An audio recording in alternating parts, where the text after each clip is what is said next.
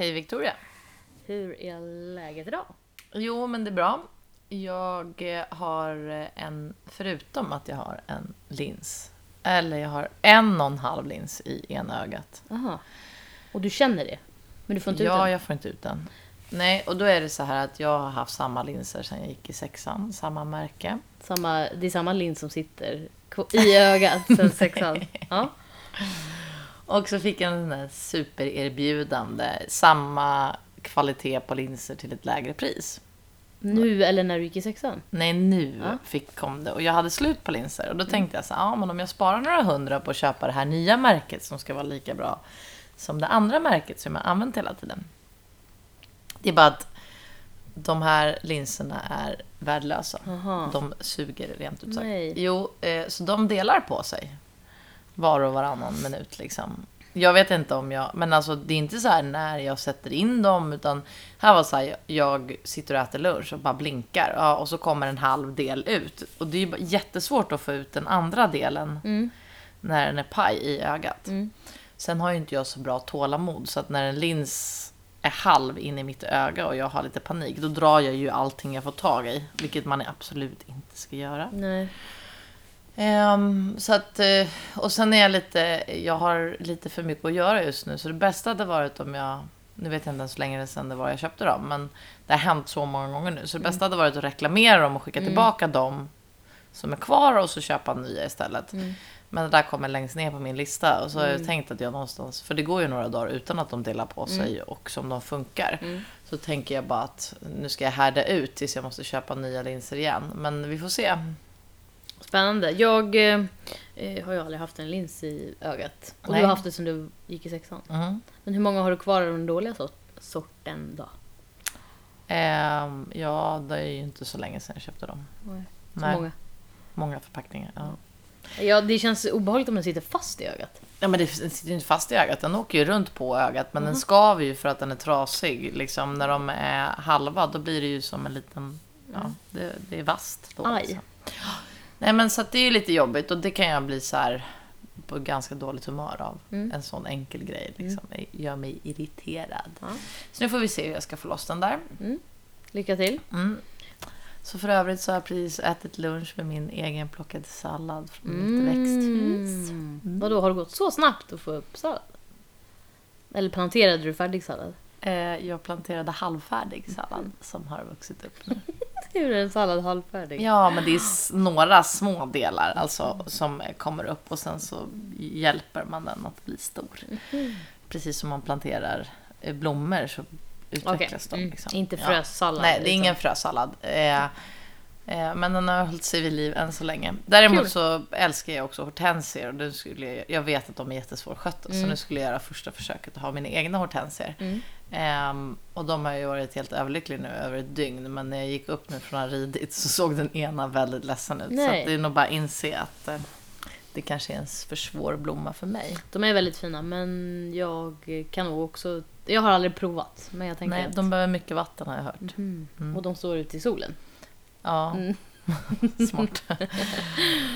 Ja. Ja, de får kanske flytta in ett tag. Mm. Ja, hur är det med dig? Du har varit uppe tidigt i morse. Mm. Jag har eh, kört min häst till Lövsta idag. Ja. Superkul. Jag är så taggad på att det här nu äntligen ska dra igång, för det har ju dragit ut lite på tiden. Mm. Eh, men nu kunde vi konstatera att hon var mellan två brunster. Eh, närmre liksom den... Ja, den kommer snart, typ nästa Mm. vecka. Så i bästa fall så blir hon...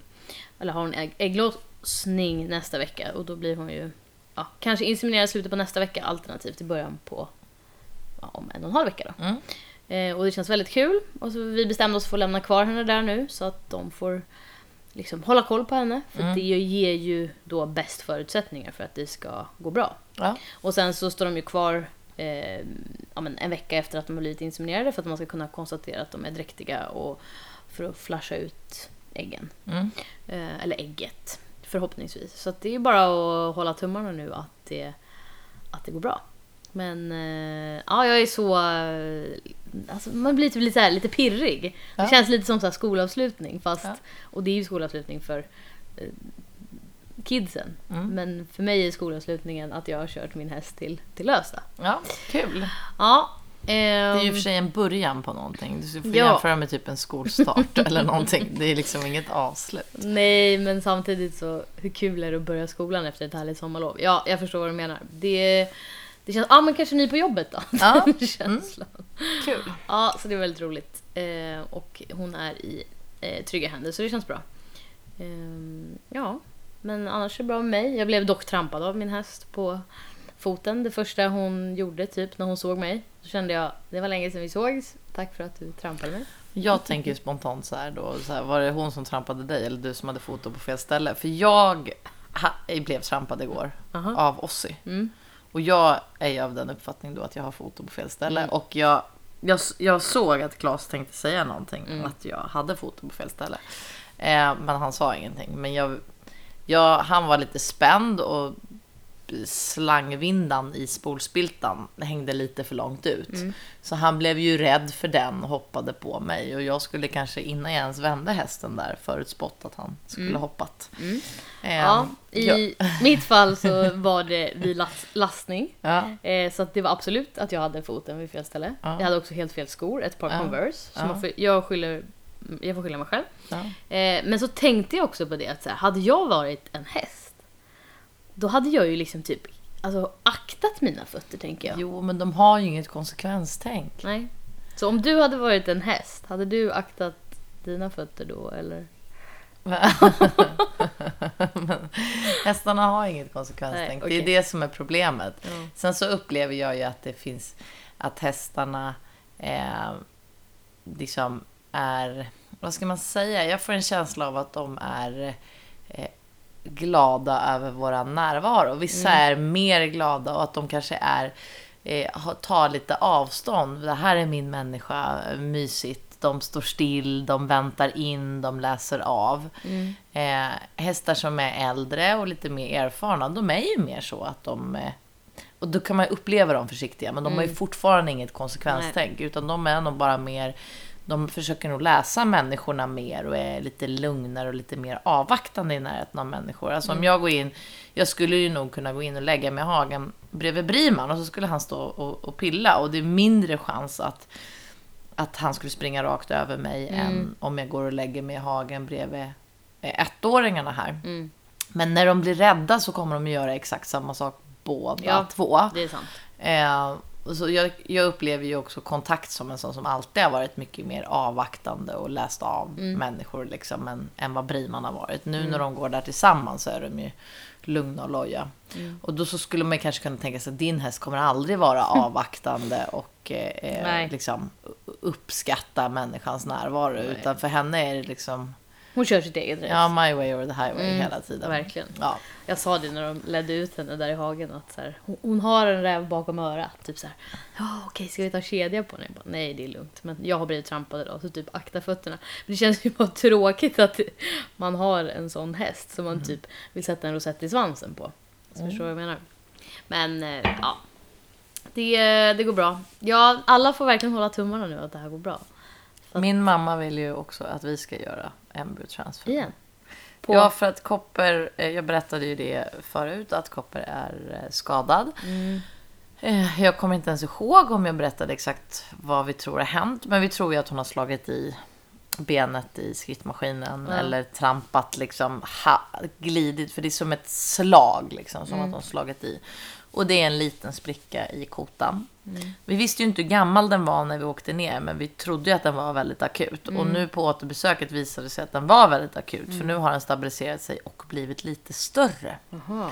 Och hon har ju Hur- bara stått på boxen. Ja. Ja, för, men det är väl så att när någonting, när ett benbrott händer eller någonting Mm. så tar det ju tiden när man kan utvärdera. Det är väl därför det blir liksom, Mm.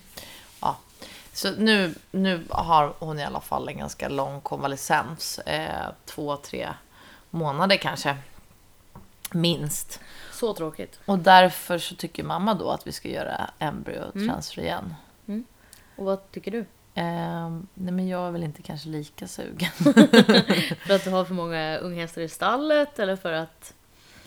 Nej, men för att jag, det enda jag går... Vi ska ju börja ridläger Mm. om en, en vecka tänkte jag säga. Det är inte alls det, om fyra dagar. Mm.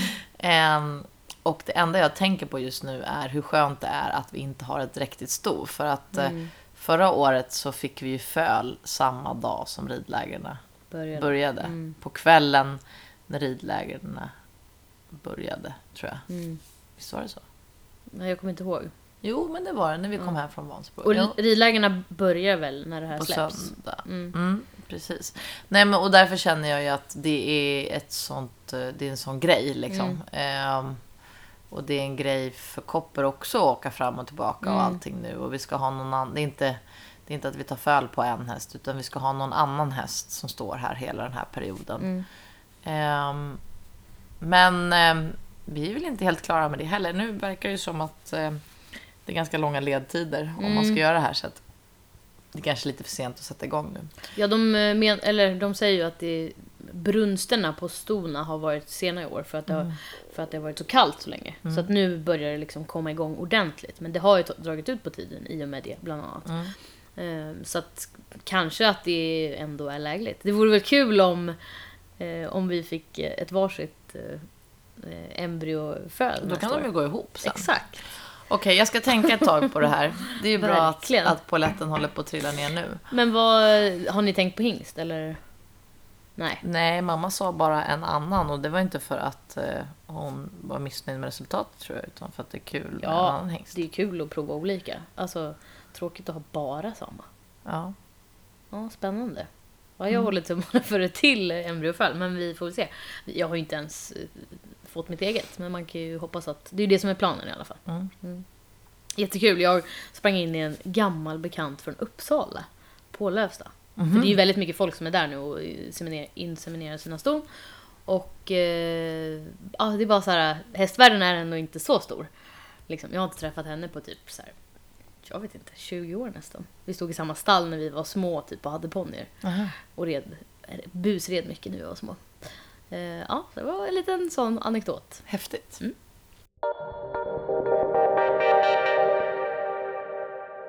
Som du sa tidigare så drar ju ridlägren igång nu. Och eh, då tänkte vi, vad passar inte bättre än en fråga om det här? Eh, och vi har fått en fråga från Lisa som undrar, men hur ser ett ridläger ut på Brolöten? Och så här, hur går det till? Och jag tänker att det finns ju väldigt mycket att prata om det här. Så att det kanske är ett passande ämne idag. Ja, och vi har ju pratat om det här lite hur Brolötens verksamhet byggt upp, Mm. byggts upp och hur länge vi har haft ridläger på Brolöten. Mm. Jag tror att mamma hade de första ridlägena 71. Mm. Eh, och sen har vi bedrivit ridläger väldigt länge tills då jag började rida på stor häst och vi sålde av de flesta kondomarerna och våra Mm. avston av kondomarer. Mm. Och sen har vi gjort en, en nystart igen nu som jag inte vet egentligen hur länge den har hållit på men de senaste tio åren i alla fall. Mm. Någonting. Eh, och de senaste fem åren så har vi haft egna kondomarer Mm. igen. Eh, och nu är man ju liksom rätt inkörd igen tillbaka i alla Mm. gamla vanor. Eh, vi har ungefär 17 stycken på varje läger. Det är 15 nu på första. Mm. Sen är det lite varierande. Eh, Jag eh, kan ta emot fler om de har egna hästar såklart. Så på Mm. vissa läger, det är ett läger, det är 18 på och då är det många med egna hästar. Mm. Men eh, vi kan ju inte ta så många på våra hästar. Nej. Utan det är kanske 13 stycken som rider på våra hästar och så Mm. behöver det vara fler med egna. Mm. Hur många läger är det per sommar? Sju läger har vi i sommar. Mm. Och det är, vi brukar ha vuxenkurser och eh, ungdomskurser parallellt. Så att det brukar vara tre, max fyra vuxna. Och Mm. sen så är det då ja, 14 barn kanske, Mm. ungdomar. Ehm, Och sen brukar det vara samlat då, att om det är vuxna så brukar det vara kanske koncentrerat på några läger. Det brukar inte alltid vara med på alla läger. Nej, precis. Det är ju fler barn än vuxna. Vi brukar ju också rekommendera då om det är en vuxen som vill anmäla sig att de använder sig till ett visst läger där det är Mm. flera andra vuxna anmälda då. Så att, och då bor ju de vuxna för sig och sen så gör de andra aktiviteterna på kvällarna och Mm. rider för sig. Så det brukar vara en väldigt bra avvägning ändå. Mm. Fast man har både ungdomar och vuxna samtidigt. Mm. Och nu börjar vi som sagt på söndag. Vi har ju gjort lite förändringar nu med Mm. tanke på Corona. Mm. Eh, normalt sett så brukar alla komma samma tid Mm. och eh, installera sig och föräldrarna hjälper till att bädda sängar och så. Och sen har vi en eh, gemensam genomgång med föräldrarna innan de åker och sen har vi eh, välkomnar vi alla Mm. eh, deltagare. nu har jag gjort så att vi har delat upp alla ankomster. Mm. Eh, Så man får en timeslot.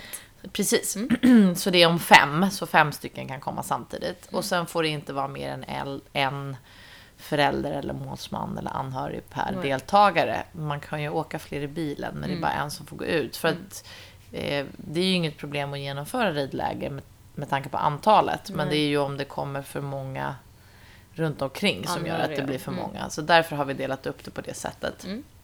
Och sen har vi ingen genomgång med föräldrarna utan nu har jag gjort en sån live eh, eller en Youtube-film som ligger ute.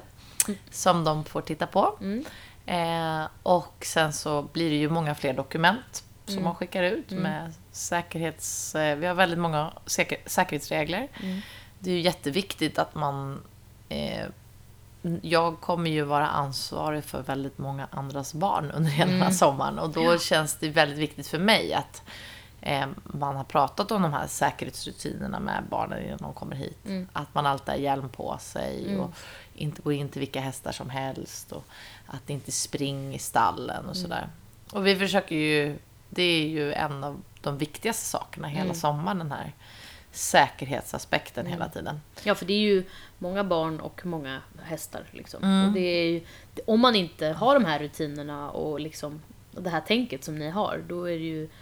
Ja, men det finns ju risk för att saker händer. Och det händer ju saker ändå. Mm. Men man, man kan ju aldrig vara nog försiktig och man lär sig hela tiden också. Mm. Det jag kan känna ibland är ju att eh, det är väldigt viktigt också om man är förälder och har barn som Mm. rider att man faktiskt förstår vad det är för intresse Mm. man låter barnen hålla på med. För att det är ju så att eh, man kan ju ramla av och göra sig riktigt illa även fast ingen annan har gjort fel. Mm. Eh, och det är ju så med hästar. Mm. Eh, och ramlar man av en häst så slår man sig oftast Mm. ganska ordentligt. Eh, och det är inte alltid säkerhetsvästar och sånt hjälper heller. Så man, det är väldigt viktigt att man förstår att det är en sån, sån sport. Mm. Och man tänker på allt sånt här med olycksfallsförsäkringar och allting innan. Mm.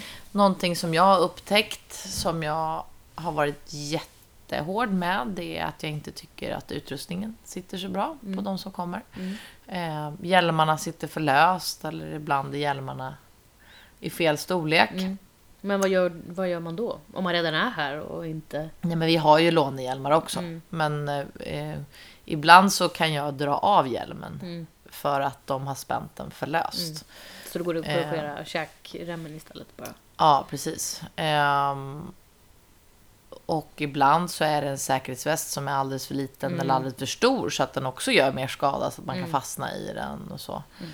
Sen tycker jag det är jättekonstigt. Jag har aldrig ridit med utsläppt hår och jag har aldrig gått i stallet med utsläppt hår. Nej. För mig är det ju också en hygienfaktor att det Mm. känns väldigt eh, obekvämt. Men Mm. det är ju en säkerhetsaspekt att inte ha håret eh, utsläppt. För har man utsläppt hår och lite längre hår så är det ju väldigt lätt att fastna. Om, Mm. man, om man hamnar i obalans i sadeln eller är på Mm. väg att ramla av så kan man ju fastna och både göra sig väldigt illa men, men också att eh, man kan sitta fast ett tag på grund av att... Och därför så är det också en sån sak som vi Mm. är noga med. När jag var liten så flätade alltid mamma mitt hår innan jag gick till ridskolan. Ja, men det... Och, nu är det ju många som har egna hästar nu för tiden. Så det är Mm. väldigt många här säkerhetsrutiner som... Eh, man kan inte poängtera dem nog för ofta. Nej. Jag vet att det är väldigt obekvämt att gå i jodpush nu när det är varmt Mm. ute. Ehm, men vi vill också att man ska ha stallskor. Ja. Alla ska ha stallskor och jag är noga med det med alla. Det gör mer ont att bli trampad om man har Converse på sig än om man har stallskor Exakt. på Så sig. att eh, Victoria har ju uppenbarligen inte gått hela utbildningen klart här än. Men, eh, och alla måste ha hjälm på sig. Vi har hjälm både när vi leder in hästarna från hagen och när vi klär på dem. Och, eh, vid all hästhantering helt enkelt. Mm. Så det är ju många sådana här säkerhetsrutiner som eh, att man håller i hästen när, när eleverna ska sitta upp eller att man har säkerhetsbyglar på alla sadlar eller massor med rutiner som vi måste tänka igenom. Och det är ju en utbildning som sker nu också parallellt med alla som jobbar här så Mm. alla får lära sig alla säkerhetsföreskrifter. Mm. Men då är det ett dokument med säkerhet som har gått ut till alla eh, familjer då. Eh, och det tar alla del av här också. Så det Mm. går vi igenom innan kursen börjar. Mm. Viktigt. Väldigt viktigt. Ja, nej men så då kommer ju nu på söndag. Mm. Alltså idag. Ja, idag när det här känns. Superspännande. Mm. Och det är, vanligtvis brukar ni ha avbrott kring Falsterbo. Ja, och det har vi ju nu också för att vi hade ju planerat för Falsterbo. Mm. Eh, så att eh, det blir en veckas uppehåll. Mm. Eh, vecka 28 när det är Falsterboveckan. Bra med återhämtning. För annars kör ju ni, alltså det är späckat schema. Ja. Det är ju liksom en halv dag, max en, två dagar innan nästa ridläger Mm. börjar. Fram till augusti, eller? Ja. Mm. Och eh, första dagen så rider de ju bara ett pass för Mm. oss. Eh, och då får man ju pröva ut hästarna och se om det passar eller kanske byta några hästar. Mm. Sen har vi alltid obligatorisk brännboll på kvällen. Mm. Och namnlek om det är många. Så att alla kan varandras namn. Ja, Jag brukar ju eh, vilja vara med på brännbollskvällarna för att jag tycker att det är så himla roligt. Mm. jag brukar lyckas kanske en gång per år. Mm. Ja, nej men det är jättemysigt med, med brännbollskvällarna. Eh, och det blir väldigt långa dagar så här för att man tänker sig vi börjar väldigt tid för att få ordning på allting och sen är de här lekarna och aktiviteterna fram till 10 så att det är ju en intensiv period som kommer nu. Mm. Och nu är vi ganska stressade redan innan på allting som ska bli klart och sen är det ju Ja, det är, det är intensivt och ibland så är det ju nattjobb också för att det är någon som längtar hem eller någon som har blivit osams med sin kompis eller någonting annat. Eh, nu har vi ju ledare som bor nere med eleverna också men som ytterst ansvarig så är man ju alltid delaktig i allting Ja. som händer. Och eh, i, ibland annars, tidigare sommar så har jag ju smitit iväg ibland på lite tävlingsmeetings och sådär. Eh, nu är det ju inte så mycket tävlingar Nej. så nu blir det verkligen nonstop ridläger. Eh, och sen har vi lite olika längd på ridlägerna. De är eh, sju dagar, sex dagar och fem dagar. De första två ridlägren nu är sju dagar och på det första ridläget så är det över midsommarafton. Så då har vi ju midsommarlekar också. Och för de som har varit på de här midsommarridlägren, de vill ju alltid komma tillbaka Ja. på just det lägret. För det är ju ja, det är väldigt roligt. speciellt. Ja, jag har varit med några år också. Det är väldigt härligt. Ja, och det är kul när man plockar blommor och gör ordning midsommarstången och alla lekar och allting. Piffar hästarna med blommor och... Det blir väldigt mycket gemenskap. Eh, och sen, de rider alltid ett dressyrspass på förmiddagen. Eh, och det är lite olika storlek på grupperna beroende på eh, hur många vi är och kunskap och så vidare. Eh, och lite vad hästar och ponnysarna kan också. Men eh, då har vi, de får titta lite när jag rider, för jag rider alltid på morgonen. Och sen så får de göra ordning sina hästar och sen är det dressyrpass på förmiddagen.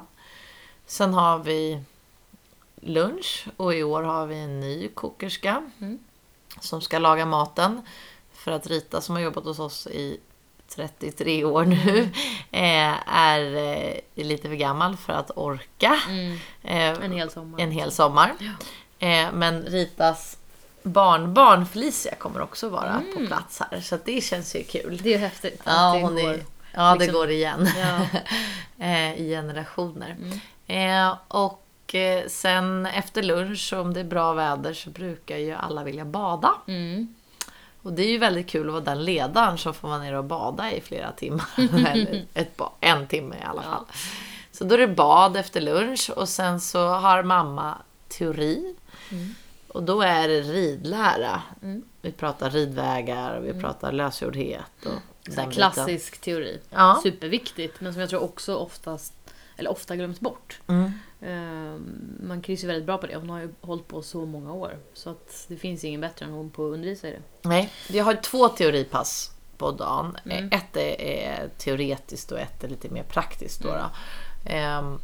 Och det här väver vi in i allting annat. Mm. Och det är, jag har faktiskt hört det nu att på ridskolorna idag så är det svårt att få intresse Mm. för teorin. Att det ligger så mycket intresse vid just ridningen men Exakt. inte vid teorin. Och här när de är här hela dagarna så faller det sig väldigt naturligt att man får in Mm. teorin så. Ehm, och sen så har de eftermiddagspasset och det är lite varierande saker. Första dagen, eh, heldagen, då brukar det vara sittsträning. Sen är det trava bommar och hoppa något litet hinder eller man rider ut eller man har voltige eller ja, lite sådana eh, aktiviteter. Och sen har man den praktiska teorin och den praktiska teorin Den är ju då kanske sätta ihop ett träns på tid. Mm. Då kan man ha det som en tävling. Eh, den aktiviteten är väldigt uppskattad hos deltagarna. Inte lika uppskattad av oss ledare eftersom att vi oftast måste sätta ihop allas träns sen Igen. efter. Eh, um, så att, eh, men det är väldigt nyttigt att lära Mm. sig alla delar på tränsen. Och liksom all utrustning i största allmänhet. Mm. Jag har ju väldigt många bett och folk eh, eh, tycker att det är jättespännande att, att ha det som teori och bara Mm. genomgång på, på alla, alla bett. Ja. Eh, sen har vi foderteori så att de får se alla olika saker vi ger alla hästar, men även mina hästar som får extra tillskott och förklara vad de olika sakerna är bra för. Mm. Eh, och man kan ha teori som longering eller tömkörning. Så det finns väldigt mycket. Och eh, här är det ju också så att man får vara med och tycka till lite. För jag gör ju schemat varje kväll innan. Och ibland är det någon som har ett väldigt här, specifikt önskemål vad de vill lära sig mer om. Och sen så näst sista dagen så tränade vi eh, inför en uppvisning som ska vara, det gör inte de vuxna då utan de rider två dressyrpass. Men eh, ungdomarna tränar för en uppvisning eh, och då får de sätta ihop ett program tillsammans i grupp och eh, tänka ut vad de ska ha på sig, om de ska vara utklädda eller snyggt matchande. Eh, och det här börjar de med ganska tidigt under veckan, att sätta ihop ett program. Och sen så tränar de på det programmet eh, näst sista dagen innan eh, avslutningen. Och sen så den, den träningspasset ska vara en halvtimme. Mm. Det brukar alltså bli en och en Ja. halv timme. Den tar lite längre tid. Och det, det är inte så många som, alla tävlar ju inte så alla har ju inte lärt sig program på det här Nej. sättet. Det är ett väldigt nyttigt sätt att lära sig program första gången och komma överens med sina kamrater och så. Och sen är uppvisningen då sista dagen och i år kommer vi inte ha någon uppvisning för föräldrarna. Utan det blir en filmad Mm. uppvisning. Eh, alla är ordninggjorda och sen så filmar vi. Och sen är det Smart. likadant då med avhämtningen som vid lämningen, att det sker gruppvis. Det här kommer ju bli jättespännande att se nu om mitt schema fungerar och om, eh, om allting klaffar. Eh, Men det är så, jag tycker att vi har löst det på ett väldigt bra sätt och utan att ändra så mycket i vårt vanliga upplägg. Eh, Men för att minska smittspridningen då, då under den här perioden. Jag har ju ett superstarkt minne av eh, en sån här avslutning. Mm. Eh, jag har ju gått på, ah, jag vet inte, kanske tio läger. Och då har ju inte alla varit på somrarna. Utan så här, någon på jullovet, någon på hösten och sportlovet. Men eh, sommarlägren är ju såklart favorit för att det är så härligt att vara utomhus och hela den biten. För det är så fint här på sommaren. Eh, extra fint. Men ett eh, läger, då brukade jag alltid få med mig någon från mitt stall och så tog jag med mig min kompis och vi tog med oss våra ponnyer hit. Och ett år så körde vi ju ehm, ett eh, Markoolio-tema. Ja, det här kommer jag också Ja, ihåg. och så, så hade vi den här låten som så här. Jag orkar inte mer. Vill inte vara kvar. Jag längtar efter er. Och då skulle vi då anspela på att vi var trötta efter en veckas ridläger. Vi längtade efter mamma och pappa. Och det blev bara väldigt roligt. Och så någonstans i låten så skriker Markoolio typ halt. För att det handlar, han anspelar ju på när han låg i lumpen. Ja. Eh, och då så gjorde vi en kadrill, jag och min kompis Hanna. Så då gjorde vi halt liksom. Eller planen var att vi skulle ha halt exakt samtidigt. skrek så, det. ja, Ja. så det var väldigt roligt. Och det, ja, men det är sånt där minne som jag kommer bära med mig hela livet tror jag. Också för att det liksom, ja men jag vet inte, det var så här första liksom, erfarenheten av att visa upp sig för mig. Mm. Vi hade ju, jag hade liksom programridning här och sånt innan. Eh, Eftersom att Chris var domare då, då var inte du det. Men då dömde hon ju liksom någon gång sådär. Men annars så var det inte... Ja men det var mitt liksom första starka minne av att vara på uppvisning. Och det var så himla häftigt. Och det är ju många som blir väldigt nervösa. Mm. För det första tycker jag ju, man försöker ju vara väldigt pedagogisk. Har ni tränat på programmet nu? Kan Mm. ni programmet? Ehm, och sen så tycker de att det är roligare att göra andra saker än att plugga programmen. Mm. Fast man tjatar på dem. Och sen blir ju alla väldigt ledsna då på eh, den, den träningsdagen när de ska träna programmen. Eh, för att de inte kan programmen och inte känner sig förberedda. Och sen är de ju oftast då väldigt nervösa när de ska visa upp sig för Mm. föräldrarna för att de kanske både ska komma ihåg vägen och sådär.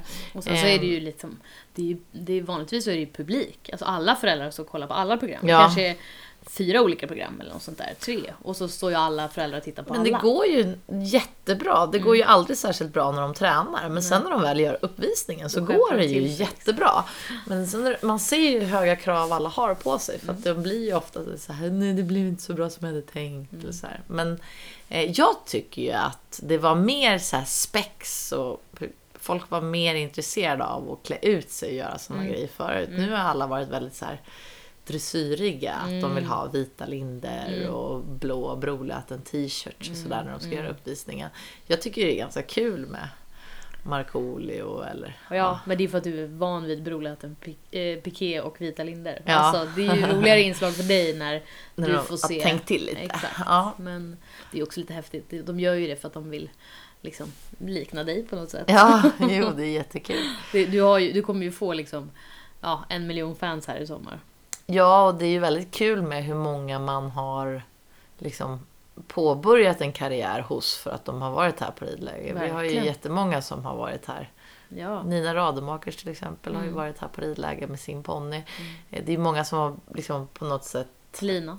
Lina Dolk har Mm. ju också gjort det. Jo, men det är ju många som har börjat och fått mer smak. Det är kanske inte bara för oss, men jag Mm. har ju lärt känna ungdomarna genom ridlägerna här. Och då, någonstans så har man i alla fall inspirerat och inte avskräckt. Verkligen. Men också, nu nämner vi liksom då två eh, namn inom ridsporten som är lite mer kända. Men jag tror också att många så här, som aldrig blir kända ändå har med sig det här liksom som ett startskott i liksom, ridkarriären. Ja. Och att man så här, bär med sig det genom hela livet alltså också. Och hur värdefullt det är. Lisen Bratt har också varit här på ridläger. det men det var ju under mammas regi. Då var inte du involverad. Nej, inte så mycket i alla fall. Mer än en jobbig liten busunge. Som ville äta godis hela tiden. Vi har ju glömt att nämna kiosken. Kiosken, det finns ju en kiosk. Det finns en kiosk. Som är öppen eh, när Prussluskan öppnar den. Ja, precis. Eh, Alltså Prussluskan hade ju alltid en bestämd tid förut. Ja. Men nu så brukar det ju vara i samband med den här teorin tror jag Ja, mer att de öppnar kiosken. då är hon redan nere i stallet typ. Ja, exakt. De tar det på vägen. Eh, och kiosken har ju liksom, den har ju varit i många olika utformningar. Förut så var det ju en riktig shop med hästutrustning och Det kommer jag ihåg. godis på alla hyllor och en kassaapparat Ja. och allting. Nu så har det här eh, förändrats lite. Så nu har vi, vi hade också en teorisal förut. Där man hade all den här teoretiska teorin. Så satt man som i en lektionssal. Men det är ju ditt gym nu. Men det är ju mitt gym nu precis. Så att nu har vi, vi säljer, nu har kiosken flyttat till teorisalen som är kombinerat gym eh, och kiosk numera. Eh, och där eh, säljer mamma då, man kan köpa såna här eh, tröjor, Mm. Broläden-tröjor och sen så kan man köpa godis och glass och sånt där. Och det tycker ju eh, alla är väldigt mysigt så här på sommaren att kunna göra det också under tiden. Ja, det är också ett fint minne. När Prussiluskan skramlade med nyckeln och ropade kiosk. Mm. Sa hon inte öppnar jag shoppen? Kanske hon gjorde. Ja, Ja, för om Prussiluskan skulle säga kiosk, då hade det varit kiosk. ja kanske. Eftersom att hon är från Östermalm. Ja, shoppen. Shoppen. Mm. Den är öppen i år också. Nej, så det skulle bli jättekul. Jag tycker ju att det jag tycker ju väldigt mycket om barn och ungdomar. Eh, Jag tycker att det är jätteroligt att se hur våra ponnyer utvecklas under den här perioden. Eh, Jag tycker att det är fantastiskt att se kärleken till djuren. Mm. Eh, Jag har några så här jättestarka minnen eh, bara från förra sommaren när det var en, en flicka som var lite rädd Mm. för att galoppera och hon fick rida för mig nästan hela veckan tror jag. Och eh, utvecklades otroligt mycket och Mm. vågade mycket mer och tog jättemycket mer plats. Och sen sista dagen hon skulle åka så, så sträckte hon sig in och gav Floris gräs. Och då var hon ju lite försiktig. Och Floris är en jättestor häst. Så sträckte hon sig in och gav gräs genom staketet. Och det var ju... Ja, man blir helt varm i hjärtat när man ser den. Alltså just, jag fascineras så mycket över att den här kärleken till de här djuren övervinner den här Rädslan. Ja, det är ju otroligt. Det är ju, den, den känslan har jag ju också varje dag. Att när man borde backa av, men man vill så mycket för att man älskar det här så mycket Mm. så fortsätter man ändå. Det är en häftig känsla. Ja, och så tycker jag att så här, man mär- de, de är borta hemifrån alltså i flera dagar. Man märker ju att de också, alltså alla elever, växer av Ja. att så här, de utvecklas så mycket. Så här, liksom flera centimeter bara vara hemifrån. Och, Och många blir ju kompisar för livet sen. Ja. Alltså, fast de inte bor i samma stad och sådär håller kontakten. Det är också jättehäftigt. för det kommer ju folk, alltså inte bara från Sverige utan utomlands ifrån också hit. Så att det är jättehäftigt. Och vi kan ju sitta här uppe framåt tio då och liksom kanske äta något late snack eller Mm. någonting på kvällen. Och då springer de ju nere på ridbanan. De som är lite äldre då som Mm. inte måste gå och lägga sig innan tio. Men då springer de ju nere på ridbanan och eh, har börjat träna på sina dressyrprogram Mm. och så här. Det är väldigt härligt att se dem glada och Mm. leka och så. Så det är ju det är jätteroligt och det ger så otroligt mycket energi. Men det är mycket jobb och Mm. mycket ansvar också. Så att de här förberedelserna just nu, det är ju för att allting ska rulla så bra som möjligt Ja. under de här månaderna som kommer. Vi får väl se här om du blir tröttare och tröttare för varje poddavsnitt Ja. under sommaren. Ja, det blir jättekul. Får ni följa det lite också. Men eh, jag tänker också på vad som är viktigt. Det finns ju många ridläger i, i Sverige och så. Och vi har ju försökt vara lite eh, unika med att inte vara för många. Mm. Eh, vi är inte så många jämfört mot många andra ställen. Och sen så att det ska ändå vara ett träningsläger. Ja. Vi vill ju att alla ska utvecklas under tiden och lära sig någonting. Det ska Ja. inte bara vara en rolig vecka. Det inget, utan det är också, vi, vi vill ju att de ska lära sig att man ska ha med sig någonting härifrån.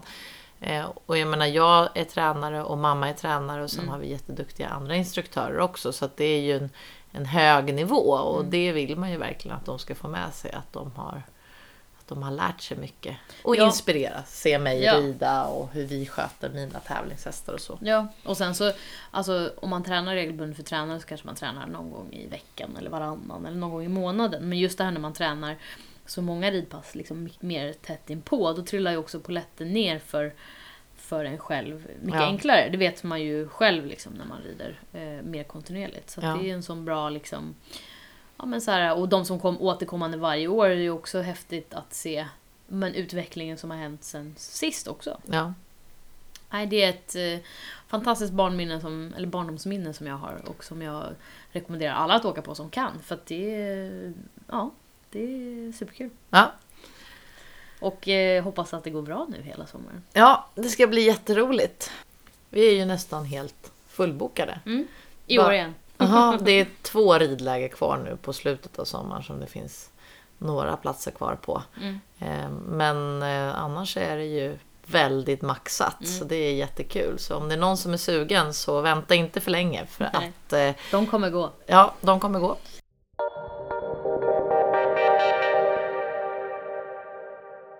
Vi har ju precis haft en eh, tävling som är avslutad eh, på Instagram.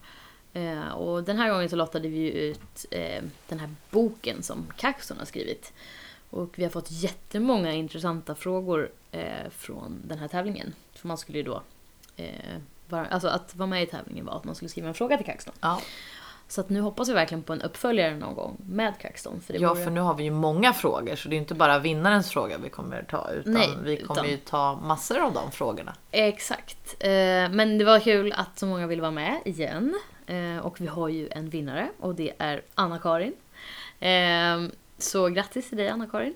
Eh, och kul att, ja, att ni är med och tävlar. Vi får se vad nästa tävling blir. Ja, Eh, men eh, glöm inte också att ni ju får skicka in vanliga frågor också som inte bara är till Kaxton till våran eh, mail barbackapodden gmail.com eller till oss på eh, Instagram, barbackapodden i DMs. Så hörs vi väl om en vecka igen. det gör vi. Ha det bra! Hej hej! Hej då!